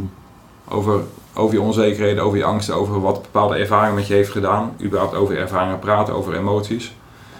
En ik denk als gasten, zeg maar, daar een beetje, nou, ook weer kies groei boven comfort. Als je, als je daarin merkt zeg maar, dat je iets moeilijk vindt, nou, ga, ga, dan- ga dan met gasten praten, weet je. Mensen met soortgelijke ervaringen, dat, dat, zou, dat is natuurlijk laagdrempelig. Ehm, en ja, wat, wat ik zelf eh, vooral heb gemerkt, gewoon al die dingen die je hebt meegemaakt, alles wat je, wat je wegdrukt qua emoties en dat soort dingen, ja, die druk je weg, maar dat, dat verdwijnt niet, weet je. Dat, dat zit ergens in je systeem en hoe lang je, en hoe vaak je dat wegdrukt, ja, hoe groter op, op een gegeven moment het, eh, het naar boven komt. Dus ja, allemaal gasten die, die, die weggaan of die, eh, die moeilijke periode tegemoet gaan. Ik zou vooral willen uitnodigen, ja, net zoals als je een militaire missie uitvoert, ja, neem eigenaarschap over die missie, weet je wel. En zorg dat, je, dat, die, dat jij die persoonlijke missie bent. Ja. En ga met jezelf aan de slag. En eh, ja, schroom daar niet bij, vooral om, om hulp te vragen. Want dat, dat was ook voor mij zelf wel een thema. Echt gewoon hulp vragen en zoeken, weet je wel. Want ja, je denkt natuurlijk, ik ben, eh, bent, je bent een volwassen sterke man. Heel veel meegemaakt. Ik kan alles zelf wel. Mhm. Ja, dat wil niet zeggen dat je geen hulp nodig hebt, weet je wel. En, eh, ja, dus als, als gasten daarmee kampen, of, of, of dames, ja, maak het bespreekbaar, weet je wel. En, Ja. eh, en zoek hulp. Ja. Ja. En Wat, is zeg maar het eerste wat in je opkomt wat betreft hulp, wat voor jou uiteindelijk wel heel belangrijk is geweest? Ehm, ja, sowieso eh goede gesprekken met mensen die, je- die je vertrouwt. Mhm. En dat is ook wel een soort overtuiging die ik zelf had. Hè? Om- omdat mensen niet dezelfde ervaring hebben, wil niet zeggen dat ze jou niet kunnen begrijpen. En vaak denk je als militair van ja, als iemand eh, zeg maar, geen missie hebt gedaan of geen vuurcontact of niet bij SOF, dat, dat hij of zij zeg maar, dat niet kan begrijpen. Maar, maar niet is minder waar natuurlijk. Want Mhm. in essentie gaat het erom hoe je met emoties omgaat en hoe je, hoe je met, je met je eigen blokkades omgaat. Ja, en sommige mensen die kunnen dat prima begrijpen natuurlijk, beter dan dat je dat zelf kunt. Ehm, ja, dus, dus daar zat ik aan te denken. Maar ook, eh, ja, waar, waar we het net over hadden, weet je. Wij, als, ik, ben, ik ben zelf ook heel eh, actiegericht, pre- prestatiegericht. Dus echt gewoon niets doen en gewoon even, even voelen en eh, ja, ook mediteren bijvoorbeeld Ja. super, super waardevol, super eh, inzichtelijk. Niet makkelijk, heel, heel confronterend. Dan, Mm. Je wordt er geconfronteerd met je eigen, Ja. eigen drijfveren natuurlijk. Maar ontzettend leerzaam. Ja. Zou je zo'n Vipassana, zou je dat een keer willen doen? Ja. Ja. ja, absoluut. Ja, lijkt me super. eh, ja, lijkt me heel moeilijk om tien dagen lang stil te zitten. Nee, ja, dus, nee, ja, nee, dat- dat- Ja, nee, ik ben, stilzitten is niet moeilijk. Hetgene wat er allemaal in je hoofd omgaat, dat is het probleem. dat is het ook, ja, ja, ja. Nee, ik, ik ben, eh, ik denk zo'n twee jaar geleden ook begonnen met, eh, met yoga en meditatie. En dat was eigenlijk voor het eerst dat ik eh, ja, ook bijvoorbeeld ging mediteren. En dat was nog heel kort, weet je wel. En dan, ja, maar de eerste, eerste keer dat je tien minuten stil zit, Ja. ja. dan komt er al van alles boven, weet je. Of ja, met yoga moest ook zo'n... eh, je sluit ook af met eh, drie keer oom bijvoorbeeld. Mhm. En ik ging toen als mediteren, ja, ik ga, ik ga je niet zingen, wat, eh, weet je, dan, nou, de, de volgende keer voorzichtig meedoen, weet je wel, zo. wat zullen ze van me denken, dat ze straks horen mij, maar Ja. dat is ook gewoon een stukje overgave, weet je wel. Ja, durf je gewoon overge- over te geven aan het proces. En dan ontstaat er ook weer wat ruimte in. Dus, Ja. Maar zo'n vipassana meditatie lijkt me Ja. super Ja. mooi. Ja. En is er iets wat je, wat je ook meedraagt, zeg maar, wat zullen ze van mij denken? Of, en het oordelen. Dus, eh, ja, absoluut, absoluut. Ja. Wat, wat ik... Want in je boek geef je jezelf heel bloot, hè? Ja. Ook zeg maar, wat je gedaan Ja. hebt en eh, Ja. ook je gedachten, zeg maar. Ja. Ja, ik, ik denk dat het best wel een thema is, sowieso voor mij hoor. Maar ik, ik denk wel voor, voor, voor meer militairen. Want eh, je merkt toch dat, dat gasten bij Defensie komen op, een- op een best wel een, een kwetsbare leeftijd. Ja, wat je, wat je, zei, je zei zelf net ook. Vaak zijn gasten ook een beetje zoekende, weet je wel. En Mhm. datgene wat zij denken te zoeken, denken ze te vinden bij, de, bij Defensie. Ja. Eh, die verbinding. Ehm, en ja, als je bij Defensie, hè, dat is toch echt een, een groepsproces. En als jij een klein beetje buiten de groep valt, hè, als je je anders gedraagt of als je, ehm, ik noem wat, een 10 kilometer niet eh, snel genoeg loopt of eh, Mhm. je maakt je wapen niet goed schoon of eh, je bent een beetje pisbaaltje van de groep, Ja. dan val je er buiten. Dus ik merk aan mezelf dat ik best wel conformerend ben- altijd geweest richting de groep, weet je om, om me maar ja, een beetje bij te horen, om, eh, om Mhm. het goed te doen, om, eh, om, ge- om gezien te mogen worden. Echt jezelf weggecijferd om binnen de groep te horen. Ehm, ja, niet heel bewust. Het Nee. was niet zo dat ik dat zo, zo nu ervaar, maar als je natuurlijk echt wat, wat dieper naar, naar het proces kijkt, Mhm. ja, zou, zou dat zomaar kunnen gebeuren natuurlijk, ja. Ja. Eh, en er zijn, ik heb ik zat gasten meegemaakt, weet je, die, eh, die er wel echt mee kanten, weet je wel. Jongens die, soms ook wel wat uh, zachtaardigere jongens, die ja, wat, wat minder hard waren, wat minder strak, wat minder goed in de tactiek en dat soort dingen, weet je wel. Ja, die vielen best wel snel een beetje buiten de groep. En die, die jongens, die zag je ook gewoon echt eh, worstelen. Mhm. Dus ik denk zeg maar echt eh, het erbij horen, dat, ja, dat is best wel een thema bij, eh bij Defensie. En er was ook, ja, daar kwam ik eigenlijk achter toen, eh dat was denk ik anderhalf jaar geleden of zo. Toen was een oud collega van mij overleden, Willem Verwoerde. Mhm. Die was bij, bij een auto-ongeluk overleden. En toen was het natuurlijk al weg bij, bij Defensie. En de uitvaart was in mijn geboortedorp. Hij kwam, hij kwam uit Lisse. En eh, nou, ik kwam fietsen naar, naar, die, naar die uitvaart, weet je wel. In Burger natuurlijk, want ja, ik was eh, burger. Mhm. En we zaten in, die, in de Agatenkerk. Ja, die, die opkomst, die was mega. Gewoon iets van 350, 400 mariniers. Allemaal in een baraté, allemaal in een net pak. Dus ik zat er in die kerk en het was natuurlijk al ontzettend verdrietig, omdat ja, zijn zoontje liep daar door de kerk en eh, ja, verdrietige situatie natuurlijk. En ik zat er omheen te kijken en in één keer was het echt alsof ik een emotionele mokerslag krijg van hé gast, je hoort er gewoon echt niet meer bij. Het is e- echt gewoon klaar, weet je wel. Want ik zat er natuurlijk in burger en de rest allemaal in, in baraté, weet je wel. Ja, en dat, ja, dat soort momenten zijn echt wel ja, gewoon confronteerd, weet je, dat je daar toch heel veel waarde aan echt blijkbaar. En vo- vond je er dan ook iets van? Ik, ik merk zelf als ik dan eh, nu nog wel eens naar, naar een reunie ga, of dan Ja. heb ik ook nog wel eens het, het ceremonieel eromheen. Ja. Eh, of er wordt, een, er wordt een, een overdracht van commando of zo. Ja. En dan sta je er als burger bij. Ja, En dan vind ik iets van ze, weet je wel. van hun. Ja, van, oh ja, nee, burger. En dan eh, Ja. dan gaan de dingen door mijn hoofd heen. Ja, ja absoluut. Vooral in de eerste keren, zeg maar. Dat Ja, dan, eh, ja ik, ik, ik vond het moeilijk, want eh, ja, zeg maar, nadat Willem was overleden, ehm, dat was sowieso een, een moeilijke periode in mijn, in mijn leven, zeg maar. En ik denk, ja, een paar maanden later, of een half jaar later of zo, overleed een andere collega, JJ, Mhm. ook met een motorongeluk. Ik, ik, ik kon het er nog ineens mee opbrengen om naar die begrafenis te gaan. En begin van het jaar overleed eh Cas van Bakel aan, eh, aan kanker, ook een oud- oud-collega van, eh, van. Marshof. Ja, dan- dan merk je nog steeds dat het gewoon ehm, ja, ongemakkelijk is, weet je wel. En buiten de hele, het hele verdriet van die begrafenis om natuurlijk, en het overlijden van, van, van Cas. Dat het gewoon ongemakkelijk is om die, om die gasten weer te zien, weet je wel. Want, ja, want zij, als, na, die, na die uitvaart gaan zij weg en gaan, ze gaan met al, al een biertje doen.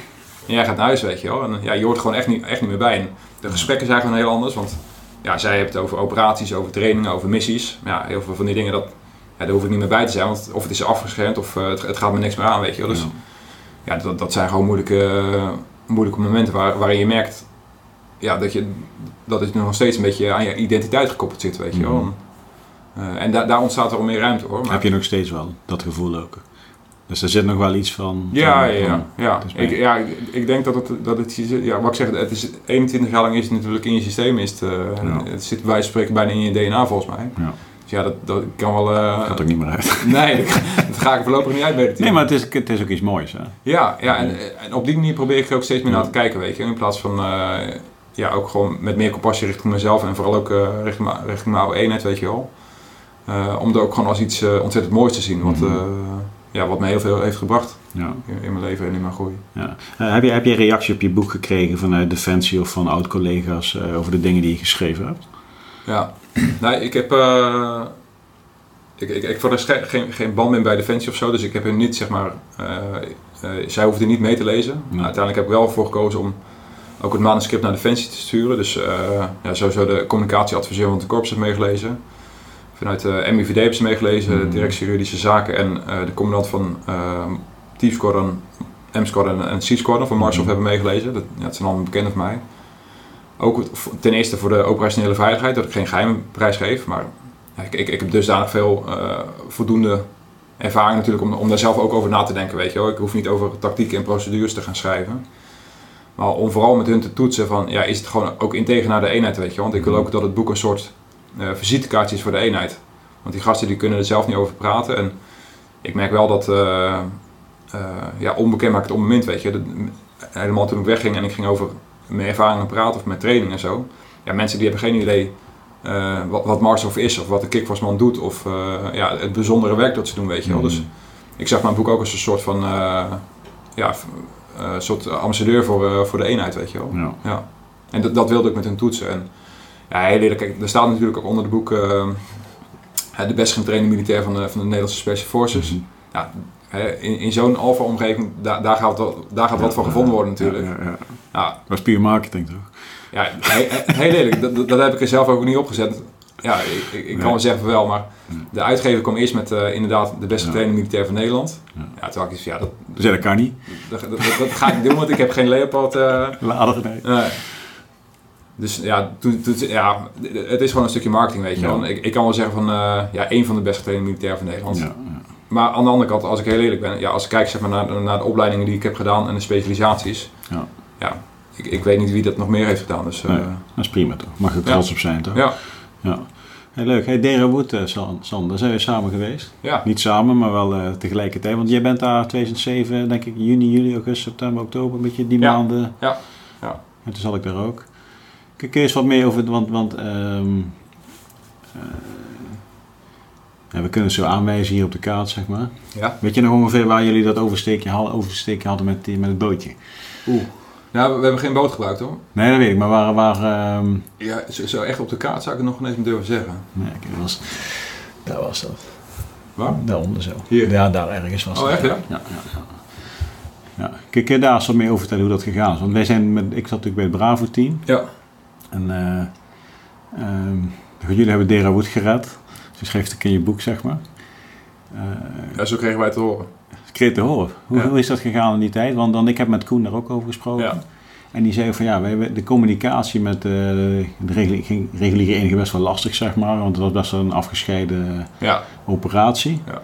En, um, en ik, ik, ik, wil, ik moest het vragen voor mezelf. Ja. Want, want, we hebben daar natuurlijk vier, vijf maanden lang uh, ja, gewoon een zware tijd gehad met elkaar. En dan dacht ik van, nee, Dero wordt gered. Dan ga ik even vragen hoe dat gegaan is. Ja. Weet je wel.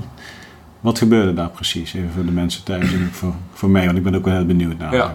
Nou, wij zaten toen in, uh, in Tuin Koud. En ja. Ja, op een gegeven moment kregen wij uh, uh, de opdracht, zeg maar, om, om deze operatie te gaan uitvoeren. En het mhm. idee was eigenlijk uh, er, was informatie dat Beirut onder druk stond, omdat iedere keer zeg maar, uh, Taliban vanuit Helmand, vanuit de andere kant van de rivier, zeg maar, overstak en ja, gewoon onrust veroorzaakte in Beirut. En ja, daar kregen we eigenlijk geen grip op als, uh, als TVU. Mm Dus wij hadden toen eigenlijk het idee om een rivieroversteek te maken, zeg maar, door het Taliban-gebied te gaan en dan eigenlijk van hun vanaf de achterzijde zeg maar, aan te vallen op eigen gebied. Dat was zeg maar, het, grote idee.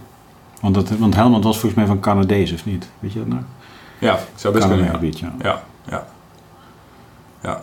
Maar volgens mij zaten daar niet veel uh, coalitie-eenheden in dat Nee, gebied. nee, dat, nee. dat zat Vipers, jullie zaten daar. Ja. En ik weet niet of toen de Australische Special Forces daar ook al rondliepen, uh, volgens mij, ja. ja. ja. Dus het idee was eigenlijk om, uh, om midden in de nacht een, vanuit koud richting Deerhoed te gaan, die rivier oversteek. En dan ja, vanaf die oeverbank zeg maar, door het gebied te doorkruisen en dan vanaf die dash, zeg maar, dus achter de, zij, achter de green zone, mm -hmm. ja, het gevecht aan te gaan om zeg maar, vanuit daar de Taliban uh, ja, een beetje uit te dunnen eigenlijk. De, wij vonden daar wat van als, als eenheid natuurlijk, want ja, mhm. midden in de nacht een rivier oversteken, wat, ja, de informatie over, die, over, die, over de rivier en het diepte en, en dat soort dingen, dat uh, was niet heel betrouwbaar. Mm -hmm. ja, plus dan moet je midden in de nacht, was het Taliban gebied, ja. geen idee wat er allemaal zit. Jullie kwamen rechtstreeks van het TK volgens mij, ja, ja, in ja. Maar fijn, we, we zeiden toen wel gaan voorbereiden en gaan, uh, gaan plannen en gaan doen. Dus wij kwamen toen vanuit uh, Tuinkoud. Nou, dat weet je ook, zodra je de poort uitrijdt. En dan gaat er wel ei komen en dan ben je eigenlijk al onbekend, weet je wel. Dus, uh, dan gaan de postduiven de lucht in. Dan gaan de postduiven de lucht in en dan, uh, ja. ze brengen de meloenen. Maar fijn, die rivieroversteek die ging nog wel goed. Maar je, dan ben je super kwetsbaar, kwetsbaar mm. natuurlijk met een hele kolonne voertuigen en gewoon in die MB-jeeps. En op het moment dat we met de hele kolonne voertuigen zeg maar, aan de overzijde van, van de rivier stonden, ja, toen, toen ging het helemaal los, want de, het voorste voertuig van ons was volgens mij een, uh, ik dacht een IPR of een Bushmaster. Bushmaster. Een Bushmaster. Ja, die begon gelijk uh, inslagen te krijgen, zeg maar, en ja, die begon ook terug te vuren. Ja, op een gegeven moment werden we eigenlijk gewoon een soort met van geambush, zeg maar, over, de, mhm. over de hele linie. Um, ja, en toen zijn we gewoon het gevecht aangegaan. En op een gegeven moment, als ik het goed herinner, ja, kwam het op een gegeven moment van een tolk. Ja, die was wel wat bekender in het gebied. Mm Die zei ook van ja, we hebben nu nog maar één weg, zeg maar, hier doorheen. En die, die is volledig ondermijnd, weet je Dus als we nu doorgaan door het gebied, ja, dan, dan gaan er sowieso uh, doden vallen. Dus toen heeft de onzincommando heeft ervoor gekozen om wel daar terug te gaan. Dus toen zijn we ja, gewoon de anti-ambush drill zeg maar, met de Mhm. voertuigen gaan doen. Dan zijn we terug de rivier overgestoken. En dat was ook, ook wederom ontzettend kwetsbaar natuurlijk. En eh, die rivierbank die was al echt kapot gereden. Dus ja, met die zwaarbeleide voertuigen was het echt Ja, maar de Helmand is een, is een serieuze rivier. Ja, Ja. ja. Dat is wel grappig. Op een gegeven moment, ja, wij, wij stonden daar op die, op die oeverbank en ze later spraken we ook die eh, Apache-piloten. Want ja, Mhm. er waren de Apaches overhead. We hadden die, eh, zo'n spooky gunship, weet je wel. Ja. Ja, er- vloog daar van, van alles natuurlijk om... eh, Oh, die Spectre Gunship. van- of die, die Spectre ja, ja, gunship, ja. Dus dat ging helemaal los. Ja. En later ze spraken ook die, die Apache-piloten. Die zeiden van ja, het was eigenlijk gewoon één grote lasershow, weet je wel. Als, ze- keken vanaf de, vanaf de lucht natuurlijk. Ja. Ja, ze zagen alleen maar traces en ook gewoon Ja. onze, onze loper die uh, rood gloeiend werden. Hij zegt, het was één grote lasershow Ja. met, eh, met ons als eh, centrale middenpunt. Ja. Dus toen zijn we teruggegaan richting eh, naar de andere kant van, van de Helmand. Dus toen kwamen we weer terug in, in Derenhoed. En vanaf, vanaf daar zijn we eigenlijk gewoon meerdere dagen gewoon het gevecht aangegaan met, Mhm. met de Taliban. In, in het gebied van Derenhoed, maar ook aan de andere kant met, Ja. met luchtsteun en met, met lange afstandwapens. Ja. Alleen waar zeg maar, die opmerking vandaan komt dat wij Derenhoed hebben gered. Uiteindelijk, veel later kregen we pas inlichtingen van onze commandant. Tenminste, onze commandant kreeg de inlichtingen. Mhm. En die zei van ja, als, als wij deze operatie niet hadden eh, gedaan, zeg maar. Ja, dan was het aannemelijk geweest dat Derenhoed was overlopen door, Ja. door de Taliban. Want die hadden schijnbaar plannen of acties gepland Ja. zeg maar, om, eh, om Derenhoed eh, te overlopen. Ja. Dus ja, dat, dat is het verhaal van deze. Nee, ja, goed, die, die bijdrage is, is, is, is, is cruciaal geweest, denk ik. Ja, Kijk, en ik, ik denk dat, eh, ik brak even een we, want ik was daar, dus ik mag dat ook zeggen. ja, Eh, het, was, het was een hele pittige tijd en een, een heel gekke situatie daar. Ja, ja. En ik denk zeker dat eh, wat wij daar gedaan hebben, en wij is dan iedereen vanuit de Coalition Forces, zeg maar, daaraan bijgedragen heeft. Ehm, ja, ik weet nog dat jullie s- toen s'nachts daar waren. En, en, ik, en ik had toen met Koen, ik zei, ben je geweest? En ik gewoon te kletsen. Ik zei, ja, ik weet, ik weet, ik ken het gebiedje. Ja. Ik weet zelfs het plekje. We hebben, ehm, we hebben toen met onze IPR hebben we een, een opdracht gekregen om dat te gaan doen. Om dat te gaan doen. Ja. Toen hebben wij gezegd, ja, dat, moet, dat gaan wij niet doen. Ja. Wij, wij gaan niet met ons peloton nu daar doorwaden en eroverheen. Ja. Toen hebben wij een overwatch-positie genomen daar eh, eigenlijk aan het achtergebied waar jullie door doorheen zijn gegaan. Dat was een paar dagen daarna, toen zijn wij daar van die berg afgeschoten. ja, Wij een MB achter moeten laten en een jongen schoenen verloren en een grote ellende allemaal. ja, Want er zat een overmacht. Ja. En toen is waarschijnlijk de actie geweest van nou dan, dan schuiven we de SF door. ja, ja, Want dat was in de periode dat al die politieposten vielen. Ja, ja. Die werden een, het begon in Tutu bovenin en toen werd Chirac was dat daaronderin en toen, ja, toen was het eigenlijk de, de ring van de A, nee was dat de National Police? ANAP denk ik. Ja, ja. Die, was weg, die ring. ja. Ja, en toen hebben ze jullie ingevlogen. Ja, Ja. bijzonder. Ja, het was, was een bizarre tijd inderdaad. En, ja, als, je- als je dan ook nadenkt over... Kijk, ik, kan wel heel stoer zeggen dat we daar echt eh, heel, heel goed waren en goed werk deden. En eh, Ja. goede procedures en goed getraind. Maar daar zit zoveel mazzel in en hoe vaak we daar niet door... Ja. Ja. net zoals jullie ook natuurlijk waarschijnlijk eh, door het oog van de naald zijn gekropen. En dat het allemaal ja, bij ons gewoon echt net, net goed ging. Ook met die vuurgevechten daar. Ja, ik, weet nog niet eens of dat in mijn boek staat. Op een gegeven moment had ik ook zo'n... eh, ik was Ja, wat staat er niet in je boek? Dat is interessant. ja, dat is een goeie. Ja. Ik, ik, weet- volgens mij staat deze niet in mijn boek. Maar toen, ik, ik was ook sniper natuurlijk in, in, in dat gebied. En op een gegeven moment, ik, was al een keer eh, beschoten. Dat was echt gewoon, ja, dat ik gewoon de kogel inslagen, zeg maar. Ik was aan het rennen en die kogel inslagen, die, die tikte zo op me, op me in. En ik dacht erna, toen was het vuurgevecht nog wel gaande, maar wat minder intensief. En op een gegeven moment zag ik in de verte zag ik een, eh, een groepje mannen lopen. En in die Mercedes-Benz heb je toch zo'n rolbeugel. Ja. En daar had ik altijd mijn Swarovski-kijker had ik, eh, hangen. Dus op een gegeven moment pakte ik die Swarovski-kijker Ja. om, om even waar te nemen. En ik, ik hoor gerinkel. Was gewoon eigenlijk gewoon een kogel. Was net aan de voorkant van die Swarovski-kijker. En die was in die kijker tot stilstand Ja. gekomen.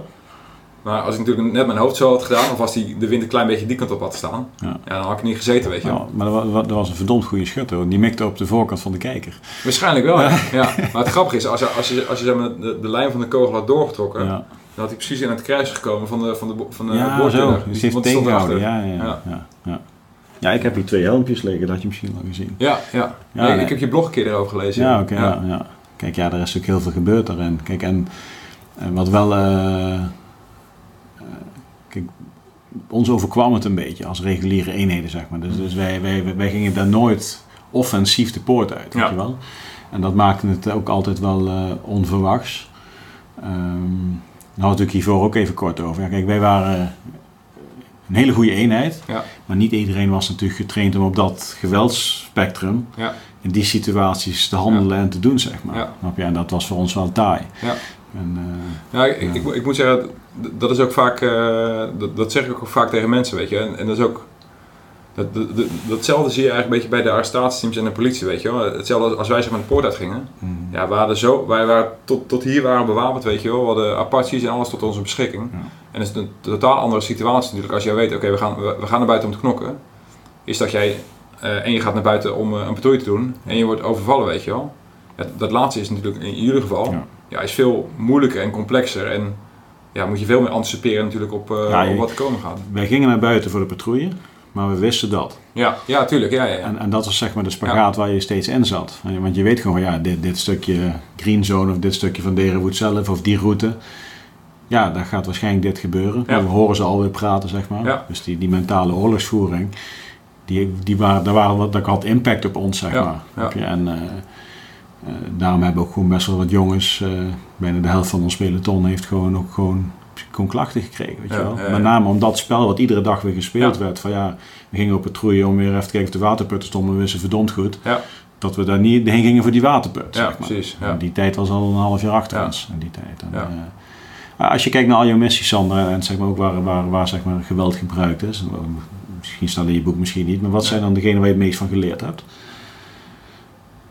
Ehm, ja, ik, ik, ik vind het een beetje lastig eigenlijk om echt zeg maar, eh, een heel mooi positieve inzicht te halen uit, eh, uit, uit een vuurgevecht of zo, weet je. Of uit, uit, ja, goed, uit- uit- niet zozeer, niet dodelijk of wat dan ook. Ja. Maar, Ehm, ja, ik, ik, ik heb wel sowieso een aantal dingen die me, die me zijn bijgebleven en die, die impact hebben gemaakt. En eh, bijvoorbeeld jaren later in t- eh, 2011, eh, d- daar staat ook een boek over, die kwam ik in- zelf in een hinderlaag in, in Somalië met mijn team. ja, ja. Dat, dat was echt een, een bijzondere situatie. En ja, als je, Dat is toen jullie gelokt werden door dat kleine bootje. Ja. achter, ja. ja, ja, ja toen, toen varen we eigenlijk op 30 meter eh, afstand uh, zelf in een hinderlaag, zeg maar. En later ja, hadden wij die piraten gearresteerd. Nou, daar zaten gewonden onder, dus we moesten ook weer verzor- die gewonden verzorgen, weet je wel. Ja, ja, ja. Dus we moesten die weer evacueren en later hebben we het schip eh, daadwerkelijk ontzet. En dat was wel echt een, eh, ja, gewoon een hele bijzondere dag, weet je. wel. En, daar zijn wel twee over- piraten bij overleden tijdens het Mhm. initiële vuurgevecht. Eh, zes van de tien piraten waren gewond. En de mensen die we hebben bevrijd, 16 eh, bemanningsleden, er zaten geen gewonden bij, ook geen gewonde eigen zijde. Ja, en als je kijkt naar, ehm, ja, naar, performance, zeg maar, en Mhm. ja, snel schakelen en, en, en ja, was, was dat wel een van de, van de meest eh, memorabele momenten in mijn carrière. Maar is, dat dat hoofdstuk waar je schrijft van nou, we gingen eigenlijk voor een, eh, een arrestatie, het werd een hinderlaag. Uiteindelijk moesten ze en de conventie van Genève ging spelen. Plotseling vooral onze rol van we gaan ze verzorgen. Ja. Dus dat stuk. Ja, precies. Ja. Ja. Ja. Het, was eigenlijk een zogenaamde friend- friendly approach. Dus gewoon echt eh, ja, het schipje, het bootje benaderen en eh, wat informatie inwinnen eigenlijk. En natuurlijk ben je wel scherp omdat je weet dat er piraterij in de buurt, in de Mhm. buurt is. Ja, als je dan toch zeg maar, met die insteek overvallen wordt en eh, je wordt in een hinderlaag eh, gelokt eigenlijk, ja, dan moet je weer heel snel eh, schakelen natuurlijk. Ja. En da- dan zie je ook, nou, als je aan mij vraagt, wat, heb, wat, wat was daar je belangrijkste les uit? Nou, bij, bij Defensie trainen natuurlijk altijd voor de most dangerous course of action. En in, in ons geval was het natuurlijk een hinderlaag en die gebeurde ook die dag. En zeg maar, die hinderlaagprocedure, die, die, die hadden gewoon zo goed ingetraind, weet je wel. Want ja, we, we vaarden in twee rubberbootjes die kant op. Maar niet iedereen in het rubberbootje was een zwaar getrainde special forces gast, weet je. Die, die bootbestuurders, dat waren, dat waren gasten van de marine. Die hadden als neventaak uh, bootbestuurder. Een andere taak is bijvoorbeeld uh, technische dienst. Ja. Alleen die gasten die reageerden gewoon perfect, weet je wel. En puur omdat, we die gewoon, omdat gewoon goede gasten waren. Maar we hadden hun ook meegenomen in, in de trainingen. Mhm. Om gewoon die most dangerous course of action zo goed mogelijk in te trainen. Dus dan zie je gewoon echt dat je gewoon echt ja, het, het trainen en conditioneren van, van dat soort procedures. Ja, dat is gewoon essentieel om, uh, om de leeftijd te komen eigenlijk. Ja. Ja. En, en kun je dan bij spreken ook eens een, een, een, uh, ja, een, een extern specialist, ik noem even de, de, de stuurder van de boot, heet dat zo? Bootje, ja, bootbestuurder. Bootbestuurder, ja. bootchauffeur, bootje. Dat je als, als die zeg maar um, voor die hele gerichte taak uh, bij een SF-eenheid komt, binnen het team gaat trainen op de drills, dat dat dan belangrijker is dan het hele voortrek van, van het fysieke, zeg maar. Dat jullie daar wel op kunnen schakelen. Ja, ja, ja, ja absoluut. Ja. Ja, ja. En dat is ook... Uh, Ja, want, die hele dag duurde uiteindelijk eh, ja, een, een hele dag, weet je wel. Van, van, van 's morgens vroeg eh 4 uur of zo tot, tot eh, laat in de avond. En daar gebeurden allerlei events. En is het ook gewoon voor mij het belangrijkste om constant gewoon in te checken en af te stemmen met je team. Eh, want bijvoorbeeld na die eerste hinderlaag, ja, nadat wij vervolgacties gingen doen, checkte ik ook gewoon bij al die gasten, weet je, niet alleen de jongens van mijn eigen team, maar ook gewoon de bootbestuurders, de inlichtingsspecialisten die meegingen, eh, de, de machtschutters, die ook Mhm. gewoon jongens van marine waren. Oké jongens, dit is het plan, zijn we daar happy mee? Als we nu doorgaan op deze manier, ben je happy om je taak uit, uit te voeren? Mhm. En sommige jongens die hadden ook gewoon het lef om te zeggen van nou, op deze manier liever even niet, weet je wel. Want die wilden net even een andere samenstelling. Eh, nou, ik had mijn team toen bijvoorbeeld iets meer verdeeld over beide, beide bootjes. En voor mij was dat ook een super waardevolle les eigenlijk. Dat ondanks de omstandigheden, zeg maar, hoe, hoe groot de druk ook is, voordat je doorgaat, stop even en doe even een check in bij je team, weet je. Of ze überhaupt happy zijn. En dan merk ik nu ook vaak met, eh, met de trainingen die ik geef. Dan zet ik natuurlijk een beetje kunstmatig druk op zijn team. Mhm. Ja, dan zie je eigenlijk dat ze gelijk in de actiemodus komen. Ja. En dat zeggen ze ook van ja, normaal gesproken hebben we ook geen tijd om na te denken, want financiële druk. En dan vertel ik zo'n voorbeeld. Ja, zelfs als, als defensie-eenheden zeg maar, onder zulke omstandigheden werken en ondanks die druk, ondanks de dreiging even stoppen en elkaar even checken, Ja. ja, dan is er geen excuus natuurlijk voor andere mensen of andere Nee. teams om het niet te doen. Nee. Want als, je het niet, niet doet, dan kun je wel doorgaan, maar dan sta je daar in je eentje, weet je wel. Dan ga je de missie sowieso niet voor, eh, volbrengen. Ja. Dus eh, ja, dat is, ja op, vanuit dat perspectief is Ja. wel een waardevolle eh, inzicht. Zie- want je zit nu al je- twee, drie jaar met bedrijven werken nu dan. Ja. Zie je daarin ehm, dat, dat, de, dat het bedrijfsleven zich vaak het gekker maakt dan dat het in werkelijkheid is? En dat je daardoor veel individualistischer aan najagen bent en denkt dat je als team werkt, maar dat dat helemaal niet het geval is? Ja, ja wel ja. Ja, ja en, en dat is het ook... Ja, vaak kom je er eigenlijk alleen maar achter als, het- als het even misgaat, weet je wel. Mhm. Of als, het een beetje, als er een beetje weerstand eh, komt. En eh, helemaal als dat, dat, dat, dat soort teams zeg maar, bij eh, een van onze trainingen komen, dan, ja, dan, dan is het allemaal prima, weet je wel. En dan, alleen dan, ja, dan gooi je wat uitdagingen in de groep, of dan zetten de groep een beetje onder druk, Mhm. of dan raken ze wat vermoeid. Ja, en dan zie je gewoon zeg maar, de, de, de, ja, de problemen of de obstakels om die teamgroei eh, te faciliteren, die zie je dan boven komen, weet je wel. Mhm. Uh, maar heel eerlijk, dat, datzelfde is bij, uh, ja, ook bij defensieteams.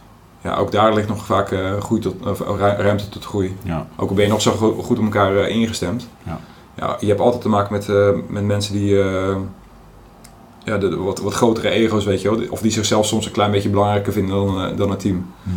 Ja, en dan heb je gewoon een, een goede sterke leider nodig om die, die, daar, die daar maar om weet te gaan. Ja. En die, die dat teruggeeft. Ja. Hey, Sander, je hebt 16 jaar operationeel. Ja. Je hebt natuurlijk op een gegeven moment een keer een keelontsteking gekregen. Ja. Toen ben je boos geworden op degene die de keus maakte en toen mocht je alsnog door. Uh, 16 jaar op rij, meestal is natuurlijk het, het ritme bij Defensie is na 2, 3 jaar. En dan krijg je een functie waar je even andere dingen gaat doen. Ook ja. thuissituatie, voor jezelf zorgen en dan ga je weer. Je bent in één ruk doorgegaan. Ja. Heb je regelmatig iemand mensen op de keel gezet? Of hoe is, hoe is dat ontstaan, zeg maar, die 16 ja. jaar?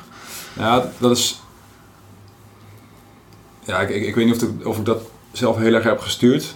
Uit, uiteraard natuurlijk een klein, een klein beetje wel, maar dat is ook wel zo een beetje gelopen eigenlijk. En, uh, ja, ik vond het, het, werken in de teams, gewoon operationeel zijn en uh, de acties en uh, de, de, missies, ja, dat, dat vond ik gewoon echt het, gaafste om te doen, zeg maar. En ik, ik merkte wel als jij uh, ja, wel gewoon goede beoordelingen krijgt en functioneringsgratificaties en af en toe en dat soort dingen, dan, Mhm.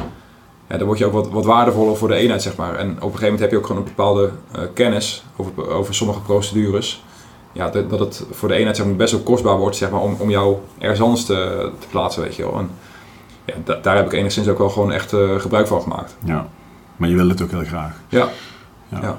Want jouw doel was ook echt wel van, oké, okay, uh, zo lees ik het dan, dus moet je zelf maar van Fink, dit wil ik ook, dit wil ik ook, dit wil ik ook. Het is een enkele aaneenschakeling van volgende stap, volgende ja. stap, volgende stap. Ja, ja het, het, het, was niet zeg maar dat ik daar 16 jaar geleden een soort uh, masterplan voor had of zo, nee. weet je wel. Maar ergens is dat, is dat wel een soort uh, ideaalbeeld wat je hebt, weet je. En ja. toevallig liep het zo en soms sta je gewoon echt op bepaalde keuzes. En ja, dan kun je linksaf gaan, dan kun je bijvoorbeeld drie jaar op, op Curaçao geplaatst worden met je gezin. Ja, of je gaat zeg maar uh, drie jaar geplaatst worden in Den Helder als teamleider, om vervolgens weer naar Somalië te gaan. Ja. ja wat is goed, weet je. Uiteindelijk heb ik toen voor gekozen om wel weer richting Somalië te gaan. En ja, achteraf gezien wat Dan heb je altijd mooi weer. Daar heb je altijd mooi weer. snap ik, snap die keuze. ja. Nee, in, in de kern is het super egoïstisch natuurlijk. Want je, je, cijfert je, je gezin cijfer je ook wel weg. Want die, die hebben ook gewoon ontzettend veel uh, voor een kiezer gehad door mijn, uh, door mijn ambities. En dat is ook wel iets ja, wat, wat ik vaak wel terug heb. Mensen lezen natuurlijk mijn boek en zien, uh, zien niet te breken. Maar degene die echt niet te breken was, dat was mijn vrouw natuurlijk. Want die zit ja. thuis met drie kleine kinderen en van alles aan de hand. Ja. En, en dat vind ik ook wel eens wat gezegd mag worden. Ja, de, de, de partners van de, van de militairen die met al, al die onwe onwetendheid om moeten gaan, weet je, met een, met een partner die op missie gaat en gevaarlijke mm. dingen gaat doen, met de wetenschap, of ze überhaupt, of in wat voor staat ze zeg maar terugkomen en alle ballen thuis hoog houden. Nou, dat, die, die nu vaak nog een grotere medaille dan, uh, dan de militairen zelf. Ja, je schrijft het ook heel mooi in je boek natuurlijk. Ja. eigenlijk, ik denk dat het hele boek is, um, het is een boek met jouw verhaal, is denk ik voor heel veel mensen ver van hun bedshow. Ja. Tot dat stukje dat jij gaat schrijven over je kinderen en je vrouw en hoe, jullie dat samen oplossen. Ja. Ik denk dat dat iets is wat de, misschien wel de grootste les is in het boek. Ja. Want dat geldt voor ons allemaal. Ja. Spreek je uit wat er gebeurd is. Ja. Uh, ga niet meteen oordelen, maar geef iemand een keus. Ja. Ja. en dan kom je er samen uit. En wat het ook geworden was, dan was het altijd goed geweest. Precies. Ja. En uh, dat is heel mooi. Ja. Ja. Ja, dat, is, dat is ook wel uh, vaak wat ik terugkijk. Zeg maar echt Weet je, de, de jongere gasten die, lezen, ja, die, die smullen natuurlijk van de, van de spannende verhalen. En mensen die al wat verder zijn. fact sheets aan het lezen. Ja, dat is ja. fact ja. ja. En de mensen die al wat verder zijn, weet je, een beetje van, uh, van onze leeftijd, die, ja. Uh, ja, die, die, die, zien daar heel veel herkenbaarheid in, weet je, in, in de laatste fase. Ja. ja, die zijn op zoek naar tips om het zelf te redden voor zichzelf. Ja. Misschien dat ik ook nog kan. Ja, ja. Hey Sander, Unbreakable Academy, ja. Uh, dat is nu je volle passie, zeg maar. Ja. vertel eens wat meer over.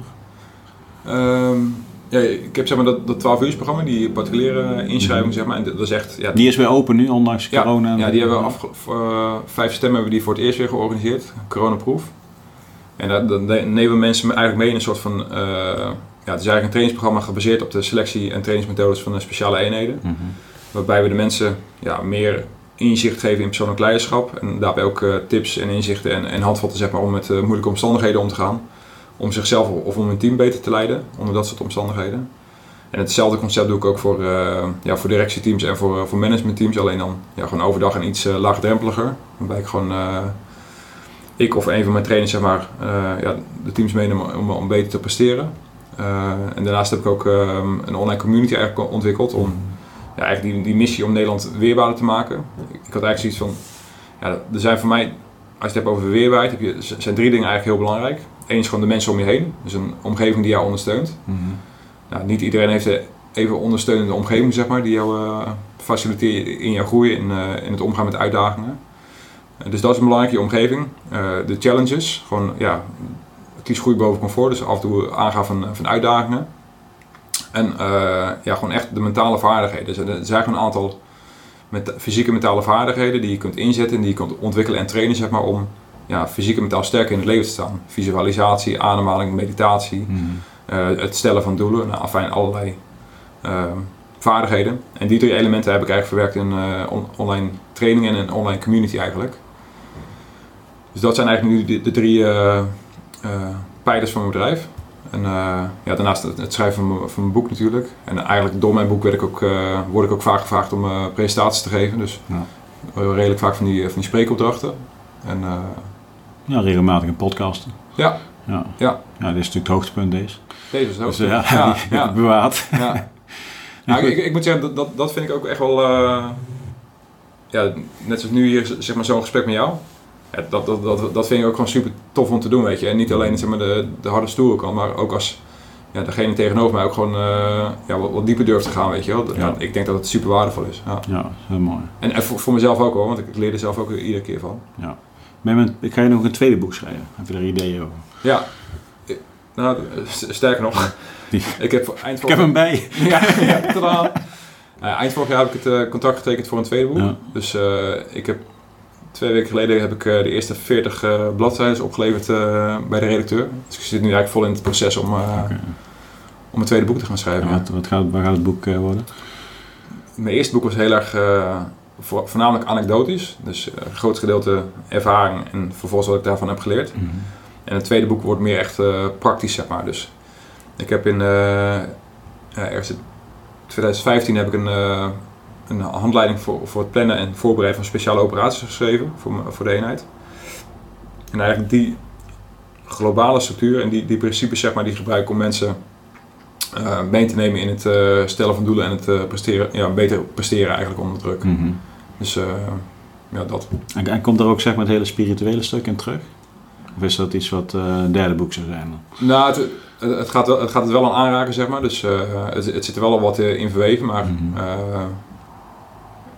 ja, daar ligt geen nadruk op of zo. Nee. nee. nee Oké. Okay. Ik had nog een vraag, Sander. Ja opgestuurd, opgestuurd gekregen. En uh, de mensen die, die kijken, die weten precies, hey, er komt een vraag aan. Ja.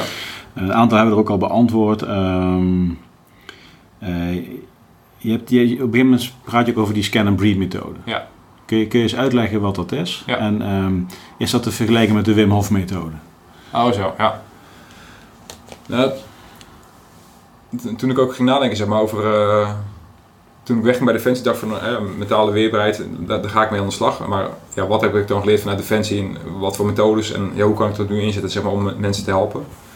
En het grappige is, als jij zeg maar, uh, de gemiddelde militair vraagt, doe je wel eens ademhalingstechnieken? Of uh, Special Force militair, doe je, wel, doe je wel eens ademhalingstechnieken? Mm.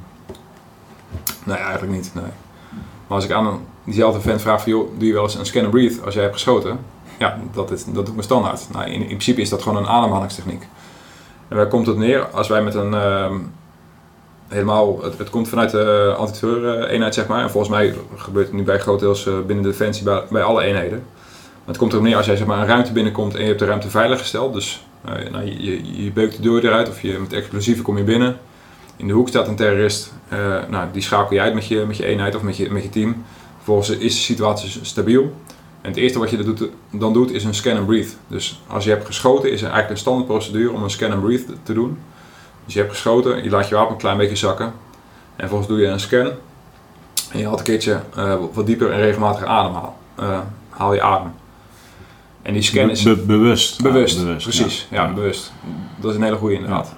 En die scan is eigenlijk tweeledig. Enerzijds of eigenlijk drieledig. Enerzijds om te kijken of links of rechts nog een dreiging voor je is. Je ziet dan gelijk waar je buddy staan, dus je hebt weer situational awareness. Maar je, do je doorbreekt ook je eigen tunnelvisie. Want als jij natuurlijk net hebt geschoten, je kunt je voorstellen hè, dat, dat het een grote stressor is voor je. En het is natuurlijk mens eigen om in een soort tunnelvisie te komen als je voor je een, eh, een dreiging op je af ziet komen. Nou, als jij net hebt geschoten, is dat gelijk een soort van tunnelvisie. Maar die weer doorbreken. Dus die doorbreek je eigenlijk heel bewust door die, door die scan. Mhm. En als jij uh, gestrest bent of spanning ervaart, nou, dan krijg je automatisch een hogere ademhaling, oppervlakkige ademhaling. En daardoor gaat er ook minder zuurstof naar het uh, denkende gedeelte van je hersenen. Waardoor je gewoon minder helderheid krijgt en minder goede beslissingen kunt nemen. En door een diepe, paar keer diepe en bewuste ademhaling te maken, ja, doorbreek je ook die respons en gaat er weer wat zuurstof richting je, je prefrontale cortex. Mhm. Waardoor je weer wat helderheid krijgt en betere besluiten kunt nemen. En, en die procedure die is gewoon echt geconditioneerd. Dus die doen wij op de schietbaan uh, tijdens de oefeningen, maar ook in het echt.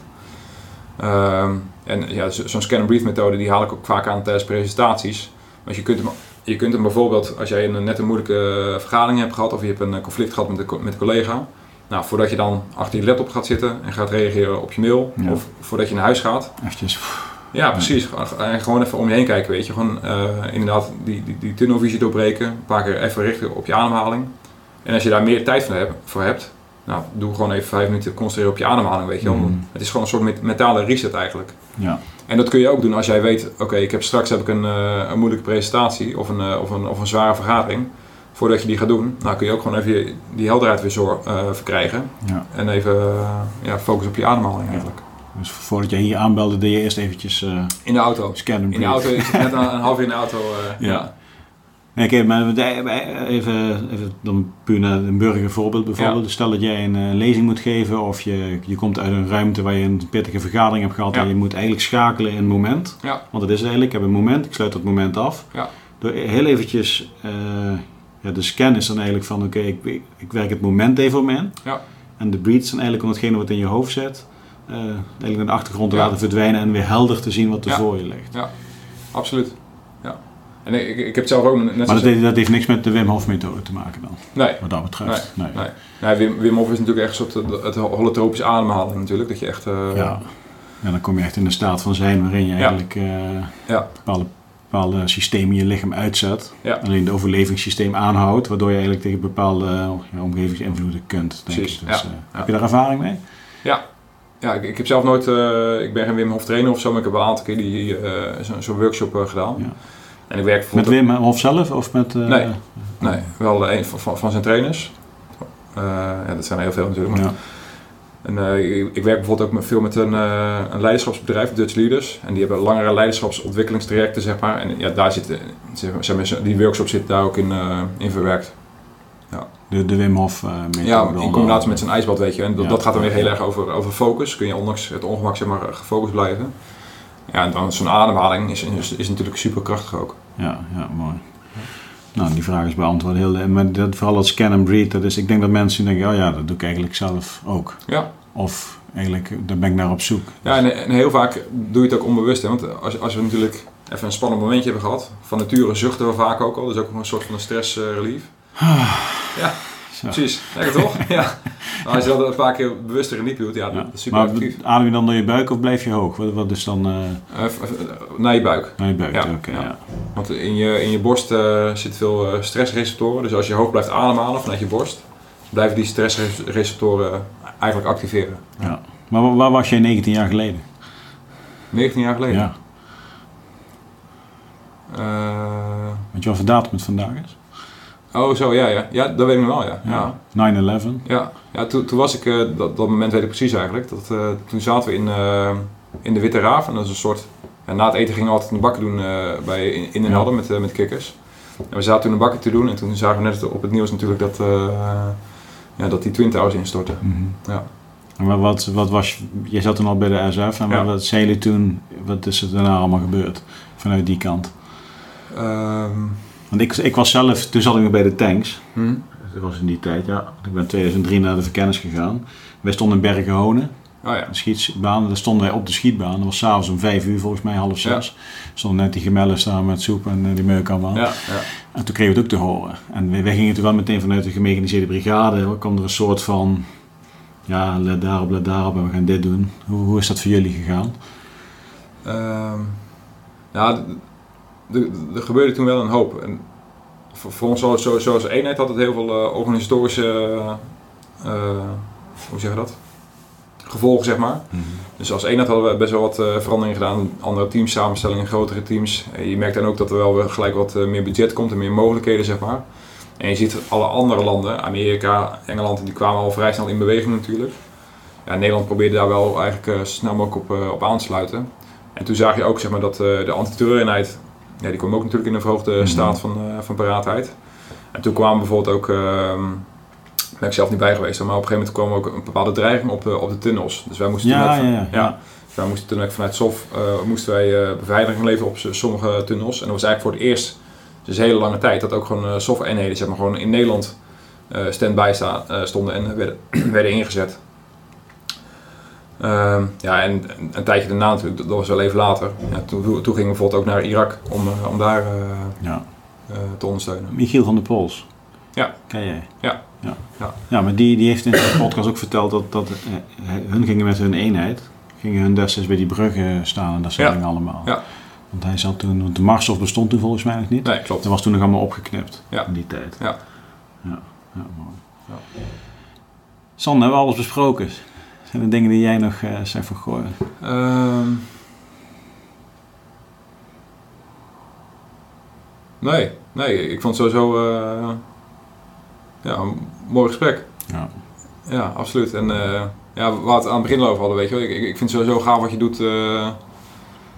ja, dat, dat ook gewoon meer ruimte en een soort platform wordt gegeven, weet je, aan mensen met, met onze achtergrond. En ook dat niet alleen, ja, dat, dat, dat, dat soort verhalen eigenlijk gewoon, ehm, ja, misschien wel verteld mogen worden, weet je wel. Niet alleen voor de verhalen zelf, maar ook voor de, voor de mensen die het hebben meegemaakt. Ja.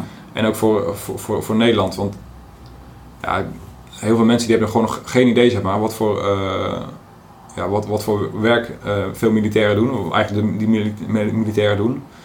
Wat voor consequenties dat heeft, en niet alleen voor hunzelf, maar ook voor, voor een gezin, weet je wel. Wat voor op, offer- opofferingen zij Mm. eh, maken eigenlijk.